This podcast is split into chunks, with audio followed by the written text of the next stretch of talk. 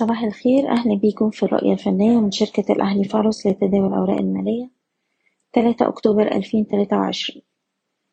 في جلسة امبارح المؤشر استمر في الانخفاض في بداية الجلسة وصلنا لمستوى تسعتاشر ألف وستمية نقطة. ده أقل بقليل من مستوى الدعم بتاعنا تسعتاشر ألف وستمية وسبعين نقطة.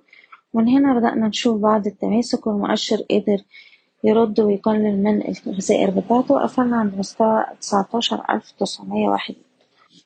أحجام التداول امبارح كانت مرتفعة بشكل كبير وده بيأكد على أهمية مستويات أقل مستويات اتسجلت في جلسة امبارح على إنها مستويات دعم هامة في الفترة القادمة. بنتوقع استمرار محاولات الارتداد وعادة التجربة على مستويات المقاومة العشرين ألف نقطة ويلي مستوى العشرين ألف وخمسمية نقطة.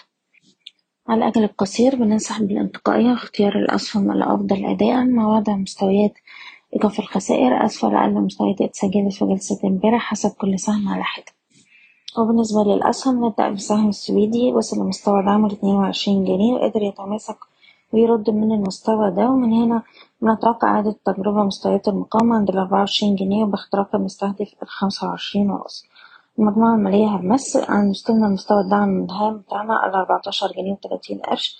السهم قدر يرد ويقفل بالقرب من أعلى مستويات الجلسة. وبنتوقع استمرار الارتداد واستهداف مستويات الخمستاشر جنيه وخمس قروش ويلي مستوى الخمستاشر ونص.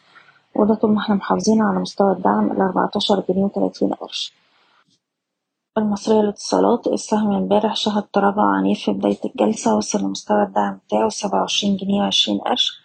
من هنا قدر يتماسك وبنتوقع الارتداد واختبار مستويات المقاومة عند التسعة وعشرين تمانين ويلي مستوى الواحد وتلاتين وربع. وأخيرا سهم حديد عز شايفينه بيستهدف مستويات الخمسة وخمسين جنيه وباختراقها مستوى الستين جنيه وده طول ما إحنا محافظين على مستوى الدعم بتاعنا الخمسين جنيه. بشكركم بتمنى لكم التوفيق. إيضاح الشركة غير مسؤولة عن أي قرارات استثمارية يتم اتخاذها بناء على هذا التسجيل.